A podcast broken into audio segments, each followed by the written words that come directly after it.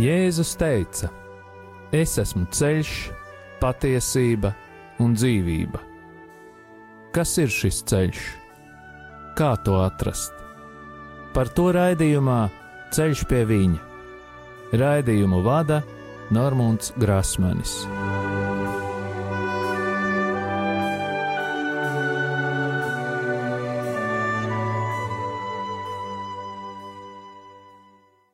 Lai ir slavēts Jēzus Kristus. Atkal ir piekdiena, un radio Marija ēterā izskan raidījums Ceļš pie viņa. Vēlos atgādināt, ka raidījuma e-pasta adrese ir ceļš pie viņa at gmail.com.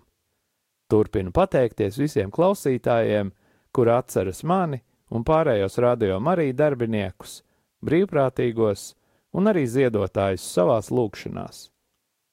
Vēlos pateikties katram klausītājam, kurš ar savām lūkšanām un finansiālo ziedojumu atbalsta Radio Mariju skanējumu ēterā, lai Dievs jūs bagātīgi svētī un arī katru atbalstītāju un visus mūsu kopumā. Un tagad, kā jau ierasti, lūksim aizsardzības lūgšanu pār Radio Mariju darbiniekiem un brīvprātīgajiem, par katru klausītāju un mūsu ģimenes locekļiem. Jēzus Kristus vārdā mēs pārņemam autoritāti par savu ģimeni un sasaistām visus ļaunos spēkus un varas gaisā, telpā, zemē, ūdenī, pazemē, dabā un ugunī.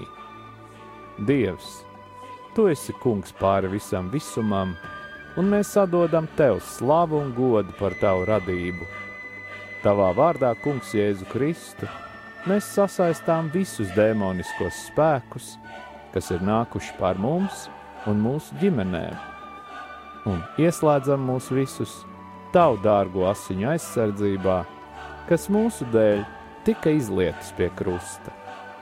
Marija, mūsu māte, mēs lūdzam tavu aizsardzību un aizbildniecību pār mums un mūsu ģimenēm ar svēto Jēzus sirdi.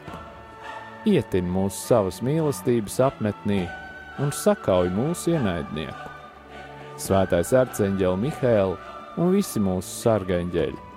Nāciet aizsargāt mūsu un mūsu ģimenes šajā cīņā pret visu ļauno, kas ir šajā pasaulē.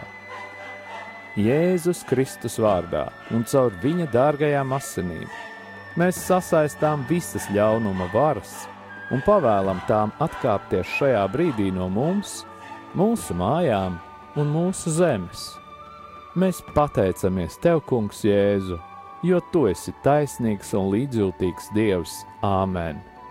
Jēzus Kristus vārdā un Viņa krusta un Viņa izlieto asiņu spēkā mēs sasaistām jebkura ļaunuma varas spēku garus un pavēlam tiem, lai tie nebloķē mūsu lūgšanas Mēs salaužam jebkurus lāstus, burvestības, kas ir vērsti pret mums, padarot tos tukšus un bezspēcīgus. Mēs salaužam jebkuru uzdevumu, kas ir dots jebkādiem gariem, kas vērsti pret mums, un sūtām viņus pie Jēzus, lai viņš dara ar tiem, ko vien vēlas. Kungs, mēs lūdzam, lai tu svētī mūsu ienaidniekus, sūtot savu svēto garu pār tiem, lai vadītu viņus uz grēku nožēlu un atgriešanos. Mēs pārcērtam jebkādas saites un saziņu ļauno garu pasaulē, kas ietekmē mūsu un mūsu lūgšanu. Mēs lūdzam Jēzus izlieto asiņu aizsardzību pār mums un mūsu ģimenēm. Paldies, Tev, Kungs, par Tavu aizsardzību un sūti pār mums savus eņģeļus, jo īpaši svēto erceņģeli Mihēlu, lai viņš mums palīdz šajā cīņā. Mēs lūdzam tevi, vadi mūs mūsu lūgšanās, un izlaies pār mums ar savu svēto garu, tā spēku un žēlsirdību. Āmen! Šī vakara tēma - Enneagramma turpinājums. Kā jau aplūkojām iepriekšējā raidījumā, Enneagramma tā tad ir viena no gaišredzības formām. Jau ieskatījāmies zinātniski kritiskajā viedoklī par enneagrammu un šodien turpināsim kritiski vērtēt no socioloģijas viedokļa. ir novērots, ka veselas cilvēku grupas mēdz kļūt savā veidā atkarīgas no eneagrammas. Acīm redzot, šeit nav runa par fizisku, bet garīgu atkarību. Eneagrammas popularitāte rada draudus, ka tā var tikt izmantota kā personības stenogrāfija. Cilvēkus aizrauj iespēja uzzināt draugu un paziņu personības tipus, kā arī prātot par svešinieku tipiem. Šai problēmai ir vairāki aspekti. Bīstamība ir tajā, ka enēgrāma ļauj noticēt, ka pazīstot cilvēku personību, mēs varam izprast cilvēka rīcības motīvus. Cilvēkiem ir kārdinājums noticēt, ka tādējādi mēs esam spējīgi izprast patieso atšķirību starp cilvēkiem, taču tas patiesībā tikai pasliktina cilvēku savstarpējās attiecības. Cilvēks pretendē uz to, ka var uzzināt kaut ko par otru personu, pirms tā ir izlēmusi atklāt citiem šo privāto informāciju. Tas attīsta dinamiku, kas izmanto enneagrāmu, liek ticēt, ka viņiem ir uzticēts noslēpums, ar ko viņi var rīkoties, bet patiesībā par to var tikai nojaust. Vēl viena ar to saistīta problēma ir tā, ka enneagrammas skolotāji un grāmatas atsaucas uz vēsturiskām personībām, lai atšķirīgos tipus varētu vieglāk izprast. Ja tie, kas lieto enneagrammu, identificē pazīstamu cilvēku personības tipus, viņiem nav īstas skaidrības par to, ka šī prakse ved uz to, lai darītu to pašu ar cilvēku, ko nemaz tik labi nepazīst. Šī prakse var novest pie tā, ka cilvēki cits pret citu sāk attiekties nosodoši. Tāpat arī varas kāri cilvēki var mēģināt iegūt kontroli pār cilvēkiem, izmantojot faktus par viņiem, kas nemaz nav patiesi. Šādā gadījumā cilvēka privātums ir patiešām apdraudēts. Kritika no vēsturiskā skatījuma. Tas, ka cilvēki uztic senāgrāmas personību teorijai, lielā mērā ir izskaidrojams ar to, ka tā cenšas atsaukties uz savu it kā lielo senumu un pieredzes bagātību. Tomēr literatūrā Eneagrāma nereizi nav minēta, pirms to sāka darīt Ičāzo. Tādējādi nedrīkst uzticēties mītam par senumu un par pieredzi. Eneagrāmas personība teorija nav zinātniski apstiprināta, tāpēc tā nekādā ziņā nevar pretendēt uz ticamību. Kritika no teoloģiskā skatījuma. Vēl viens mīts balstās uz mēģinājumiem sasaistīt enneagrammu ar reliģijas vārdnīcu. Ir skolotāji, kas skaidro, ka deviņu personību tipi atspoguļo it kā deviņas dievas sējas, vai arī tieši pretēji sātana sējas. Acīm redzot, tam pamats ir čāzo priekšstats, ka mēs, cilvēki, kas ienākam pasaulē, dzīvojam savā patiesajā esamībā, jeb patiesajā dabā. Triju vai četru gadu vecumā Kā apgalvoja Čāzo, cilvēkam attīstās aizsardzības mehānismi, vēlme attaisnot sabiedrības cerības. Šajos procesos darbojas mūsu ego, tā esamības ierobežošana un atbrīvošanās no tās ir enneagrāmas darba grupu uzdevums. Ičāzo tic, ka ar enneagrāmas palīdzību ego var atkal atrast ceļu atpakaļ uz savu patieso esamību. Tas ir cilvēka eksistences cēlonis, no kā visums un viss, kas tajā atrodas, ir radies, un to viņš uzskata par dievišķu. Šādas teorijas par ego atklāšanu neatbalsta neviena no psiholoģijas skolām. Runājot par teoloģiskajiem aspektiem, jāsaka, ka jau iepriekš minēto faktu dēļ redzams, ka Ičāzo filozofiskajām idejām ir saistība ar hinduismu un citām tālo austrumu filozofijām. Saskaņā ar Čāzo teoriju, ego mūsu dzīvē ir patiesais sātans, un dzīve saskaņā ar to ir elle. No tā var secināt, ka ego izskaušana ir kaut kas dievišķs, tomēr tas patiešām ir tikai mīts. Cilvēks nav dievība, tomēr tas ir viens no hinduismu priekšstatiem, un tie ir pirmais mokša vai atbrīvošanās no atkal atzimšanas rata. Otrais - pilnīga atbrīvošanās no esamības materiālajā pasaulē iesprostotās esības. Trešais - izmantojot kosmiskus spēkus, ļauj apzināties cilvēkam savu dievišķību, jo cilvēks esot apziņa.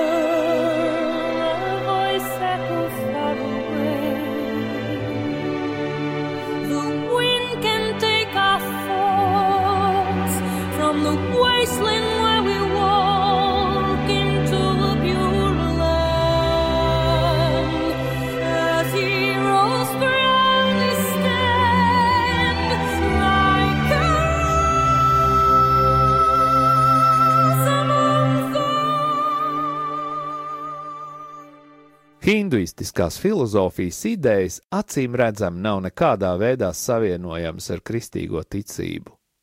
Mēs neesam dievs un nevaram būt kā dievi. Dievs ir mūžīga būtne, kurš ir viens dievs trijās personās. Dievs ir mūsu tēvs, kurš atklājies savā dēlā Jēzu Kristu, un to apstiprina svētā gara nosūtīšana. Jēzus mūsu kungs nekādā ziņā nerunā par jaunām dieva vai sātana sejām. Pastāv arī mīts, ka mūsu kungs Jēzus sevī apvieno deviņus personības tipus, kas viņu dara pilnīgu. Mēs varētu noticēt šim mītam, ja būtu pierādīts, ka pilnība nozīmē sevi ietvert visus deviņus tipus. Šādam pieņēmumam nav nekāda pamata. Evanģēlīja nedod mums nekādus norādījumus par mūsu kunga personības tipiem. Evanģēlistu nodoms nebija mums atklāt Jēzus biogrāfiju, bet gan apliecināt ticību viņam. Viņi sludina viņa dievišķību, viņa cilvēku tapšanu, viņa nāvi un augšām celšanos, kā arī viņa mācību, kas ir nepieciešama, lai mēs tiktu izglābti. Vēl to sauc arī par kerīgumu. Ir nepareizi evaņģēlijos meklēt informāciju par Jēzus iekšējiem spēkiem. Pētot enneagrāmas teoloģisko pamatu, nedrīkst ignorēt faktu, ka gan modernās enneagrāmas autorus, gan arī sufisti, kas izmanto šo simbolu filozofijā, ir saistīti ar mistiku, un tos spēcīgi ietekmē okultisms. Ticība sufismam nav savienojama arī ar musulmaņu ticību vienam dievam radītājam, kura likumiem cilvēkiem ir jāklausa. Šāda enneagrammas ticība pieder ezotērikas pasaulē. Tāpat mums ir jāapzinās, un šis ir iemesls, kāpēc mēs nedrīkstam pieņemt enneagrammu. Ičāzo praktizēja tādas mācības kā kabalu, aičing, kas ir ķīniešu gaišredzības sistēma, kā arī citus pareģošanas veidus, piemēram, astroloģiju. Jāuzmanās arī no tā, ka gan Ičāzo, gan Gurģievs mēdza kontaktēties ar gariem, respektīvi viņi izmantoja mēdījus. Gurģievs ticēja demiurģiskajām būtnēm, gariem, kas ir atbildīgi par harmoniju pasaulē. Mičāzo ir saistīts ar Metatronu, arcēnģeļu vadoni. Viņu vada iekšējais meistars, zaļais kūtub, kurš it kā paziņo, ka tie, kas studē enneagrammu, ir sasnieguši pietiekami augstu attīstības līmeni. Ičāzo ir pārņēmis neskaitāms hinduismu pieņēmumus, kā reinkarnācija, astrālie ceļojumi un citas mitoloģiskas idejas, kā tās tiek attēlotas tālo austrumu reliģijās. Neviena no šīm iepriekš norādītajām praksnēm nav savienojama ar kristīgo ticību. Raksti un baznīca atkārtot nosoda mediju izmantošanu, gaišredzību, saskarsme ar gariem un citas līdzīgas prakses. Šeit varam pieminēt 3. mūzus 19. nodaļas 31. pantu, 3. mūzes grāmatas 20. nodaļas 6. un 27. pantus, 5. mūzes grāmatas 18. nodaļas 10. un 11. pantu un vēl daudzas citas vietas svētajos rakstos. Tas pats attiecas uz enneagrammas sistēmas izpratni par atpestīšanu, kas ir cieši saistīta ar ezotēriku. Ičāzo un Gurģieva izpratne par pestīšanu krasi atšķiras no tās, ko par to māca kristietība. Gan katoļu baznīca, gan Ičāzo un Gurģievs uzskata, ka cilvēka rada daudz posta un bieži pieņem nepareizes lēmumus. Taču ar to arī līdzīgais izbeidzas. Tā kā daudz enegrammas skolotāji, arī Čāzo un Gurģievs ir pieņēmuši, ka mēs cilvēki esam piedzimuši ar savu patieso es, bet pēc tam pazaudējam savu ego, kas ir kā reakcija uz sabiedrības gaidām. Turpretim katoliskā mācība skaidro, ka mēs nākam pasaulē ar iedzimto grēku. Svētais Pāvils savā vēstulē romiešiem 5. nodaļas 12. pāntā saka: Tātad kā viena cilvēka vainas dēļ pasaulē ienācis grēks un ar grēku nāve, tā visu cilvēku dzīvē ienākusi nāve, jo viņi visi ir grēkojuši. Šajā gadījumā noteicošais nav tas, ka cilvēks tiek piespiests kaut ko darīt, bet tas, ka viņā ir saredzamas svētdarošās žēlastības trūkums. Tādējādi viņš kļūst nepaklausīgs dievam šī žēlastība mums ir iegūta caur krustu, bet mūsu uzdevums ir iemācīties, nožēlot savus grēkus. Grēks nav ego, bet gan novēršanās no dieva, cilvēka apzināta, brīvprātīga sadumpošanās pret dieva baušļiem. Gurķieva un Ičāzo priekšstati par cilvēku brīvo gribu balstās uz maldiem. Viņu mācība noliedz beznosacījumu brīvo gribu un apgalvo, ka tikai ar cilvēku apskaidrošanos to ir iespējams sasniegt. Un īpaši noderīgi šajā ceļā esot eneagramma, jo tas dāvājot mums iespēju uz pašatpestīšanos. Katoliskā baznīca savukārt māca citādi. Cilvēka brīvo gribu ir samazinājis iedzimtais grēks, bet tā nav iznīcināta. Mums ir jāpieņem savi lēmumi, un Dievs no mums par tiem pieprasa pārskatu. Citādāk Jēzus mācībai, kurā viņš saka, ka viņš, kā tiesnesis, mūs atalgos vai sodīs, nebūtu jēgas. Mēs arī ticam, ka tikai gribas akts viens nevar mūs atbrīvot no mūsu grēkiem. Jēzus Kristus mīra pie krusta un deva cilvēkiem atpestīšanu caur savu nāvi. Mēs necenšamies sevi pazemot, bet to visu izdarīja Dievs. Raksti māca gan par mūsu brīvās gribas esamību, gan par to, ka cilvēkus var atpestīt tikai Dievs. Šai patiesībai, ko māca katoļu baznīca, nevar tikt pielīdzināts eneagrammas semināros runātais, jo Gurģievu un Ičāzo mācības mērķis ir apziņas izmainīšana, lai sasniegtu augstāku apziņas līmeni, kas it kā ļautu atbrīvoties no ego un atgriezties pie tīras esamības. Ja cilvēkam tas neizdodas, tad saskaņā ar šo mācību viņš atkal piedzimst jaunā inkarnācijā, un tas notiek bezgalīgi, līdz cilvēks sasniedz šo tīro esamību. Pat ja enēgrammai kā tādai izdotos cilvēkam palīdzēt atklāt viņa grēkus, tā nemāc tos nožēlot Dieva priekšā lai tādējādi iegūtu piedošanas žēlstību. Tā cenšas izskaidrot grēku. Visbeidzot, kristiešiem cerība balstās nevis uz atgriešanos pie tīrās esamības, bet gan uz augšām celšanos un mūžīgo dzīvību. Svētais Pāvils savā pirmajā vēstulē Tesaloniķiešiem 5. nodaļas 20. pantā iesaka: visu pārbaudīt, labo paturēt, un atteikties no jebkā, kas ir slikts. Ja mēs vēlamies pārbaudīt eneagrammu, mums kā mēraukla būtu jāņem Jēzus Kristus evaņģēlī. Tomēr mēs nevaram izmantot eneagrammu, lai pārbaudītu evaņģēlīju patiesumu, jo ne jau eneagramma dāvā mums mūžīgo dzīvību, bet gan Jēzus Kristus.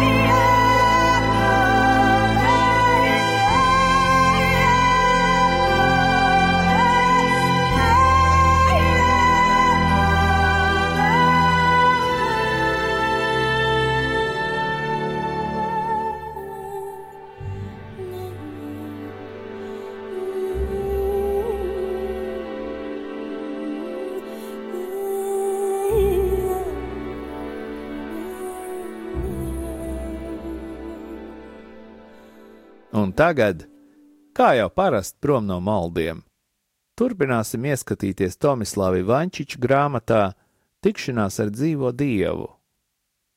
Ja tici Jēzum, lūdz viņu, lai viņš tevī īsteno savu varu, savu valstību, savu dzīvību, lai nāk tava valstība. Iespējams, ir pienācis brīdis labai grēksūdzēji Varbūt tev ar kādu ir saspringtas attiecības, vai esi gatavs izlīgt? Vai saproti, ka visvairāk vēlns tevi apmāna, likdams dusmoties uz citiem cilvēkiem? Pietiek virspusēju spriedumu, ieskaties dziļumā un ieraugi katrā cilvēkā savu brāli vai māsu. Vai tavā dzīvē ir kaut kas tik vērtīgs, ka tu tādēļ būtu gatavs mirt? Vai spēj atdot sevi taisnīguma, miera un mīlestības dēļ, vai atzīst, ka grēki tevi sasaista, novājina, biedē un piespiež palikt ciešās attiecībās ar pasauli? Tīra sirdsapziņa tev ļaus brīvi iestāties par atjaunotas cilvēces interesēm. Naids dod nevis ieguvumu, bet gan tikai zaudējumus. Izlīgums paver ceļu jaunām attiecībām starp cilvēkiem. Uzlūko ļoti konkrēti savus grēkus un pārdomā, kā tu vari no tiem atbrīvoties. Dieva baušļos ir norādīts ceļš, kā cilvēkiem atkal iespējams atrast izlīgumu ar viņu. Desmit dievu baušļiem pretī stājas šādi grēki: neticība, ja es negribu ticēt, ka Dievs ir, uzticības trūkums, atkrišana no ticības, herēze jeb ķecerība, schizma jeb šķeltniecība, elgdievība, okultisms un maģija, pāriešana nekristīgajā reliģijā, lādēšanās, dieva vārda neapdomīga lietošana, smags darbs svētdienās un svētku dienās, kad noliegt strādāt, kristiešu pienākumu neizpildīšana. Un tas ir, ja kristietis nepiedalās svētdienas misē, izvairās no reliģijas mācībām, vismaz reizi gadā nav gājis pie grēksūdzes un komunijas, atstājis novārtā žēlsirdības darbus, lūgšanu, gavēni, necieņu pret saviem vecākiem, naids, apmelošana, tēnkošana, aborts, slepkavība, meli, laupīšana, zakšana, netaisna nosodīšana, nepatiesa liecība, bezskaunība, neķītrība domās, vārdos, vēlmēs, rīcībā, pirmslaulības dzimums sakari, pašapmierināšanās, laulības šķiršana, kristietim kopdzīve kā laulībā, bez laulības sakramenta, pavedināšana uz grēku, krāpšana, piesavināšanās, noblēdīšana. Varbūt tu atpazīsti kādus pārkāpumus šo septiņu pamatgrēku jomā. Vai pamanīji kādu? Varbūt tev šķiet, ka esi labāks par citiem, vai tu esi āršķirīgs, lepns, skops, sautīgs. Varbūt tu krāji bagātības, kamēr tev blakus citi grimst nabadzībā. Vai tu lasi pornogrāfiskus žurnālus un grāmatas, vai skaties pornogrāfiskas filmas, vai tu cieni savu un citu cilvēku dzimumu? Varbūt tu esi skaudīgs, greizsirdīgs, ķildīgs, slinks, vai tu izpildi savus darba pienākumus, vai tu ilgi paliec dusmās, vai tu uztraucies par sīkumiem, vai mēdz piedzerties, vai daudz smēķē, vai tu bojā savu veselību ar nedisciplinētu dzīvesveidu, vai esi gatavs nožēlot grēkus, vai lasi reliģiska satura literatūru, vai atbildīgi audzini savus bērnus, vai atdod parādus, vai izpildi solījumus, vai esi izklaidīgs lūgšanā, vai Dievs tev ir pirmajā vietā, vai tu, būdams kristietis, esi optimists? Vai meklē savas dzīves jēgu, vai mīli pats sevi, vai mīli cilvēkus, kas tev apkārt, vai esi gatavs piedot, vai mīli Dievu, vai tici, ka Dievs mīl tevi, vai tu attīri savas domas un iztēli. Redzi, cik daudz ļauna ir mūsu pasaulē. Ļaunumu vajag atmaskot Vajag censties no tā attīrīties pašam un palīdzēt citiem. Viss iepriekš minētais tev palīdzēs izmeklēt sirdsapziņu un sagatavoties labai grēksūdzēji.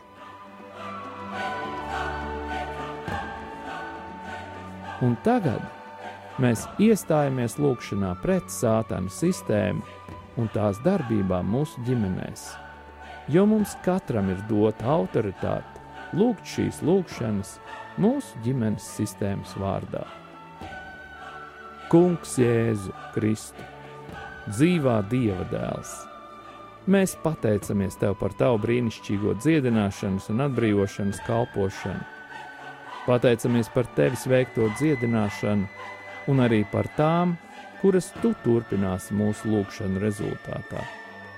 Mēs saprotam, ka mūsu cilvēciskā daba nespēja panest mūsu slimības un ļaunumu. Tādēļ lūdzu, attīri un šķīstī mūs no jebkādām skumjām, negativitātes, izmisuma, kuru mēs iespējams esam uzņēmuši.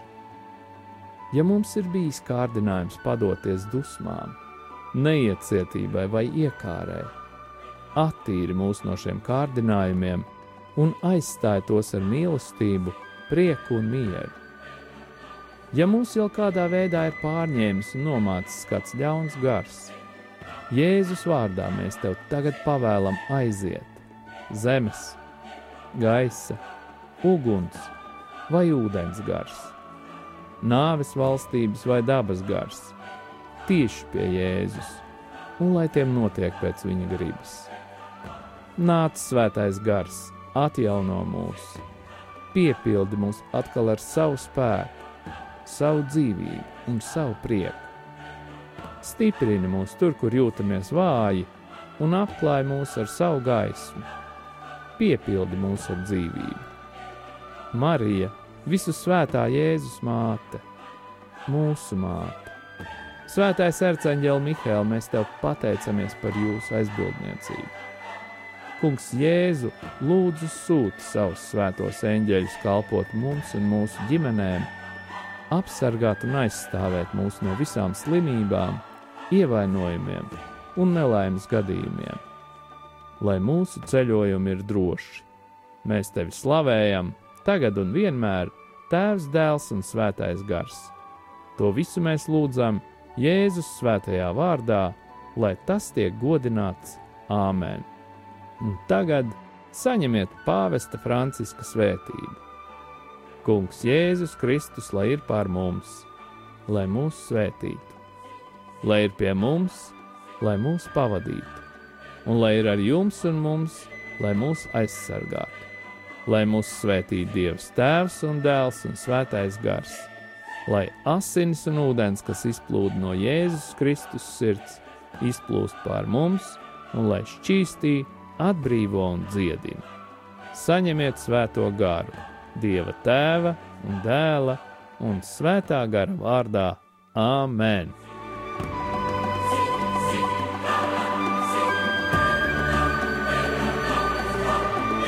Jūs klausījāties raidījumu Ceļš pie viņa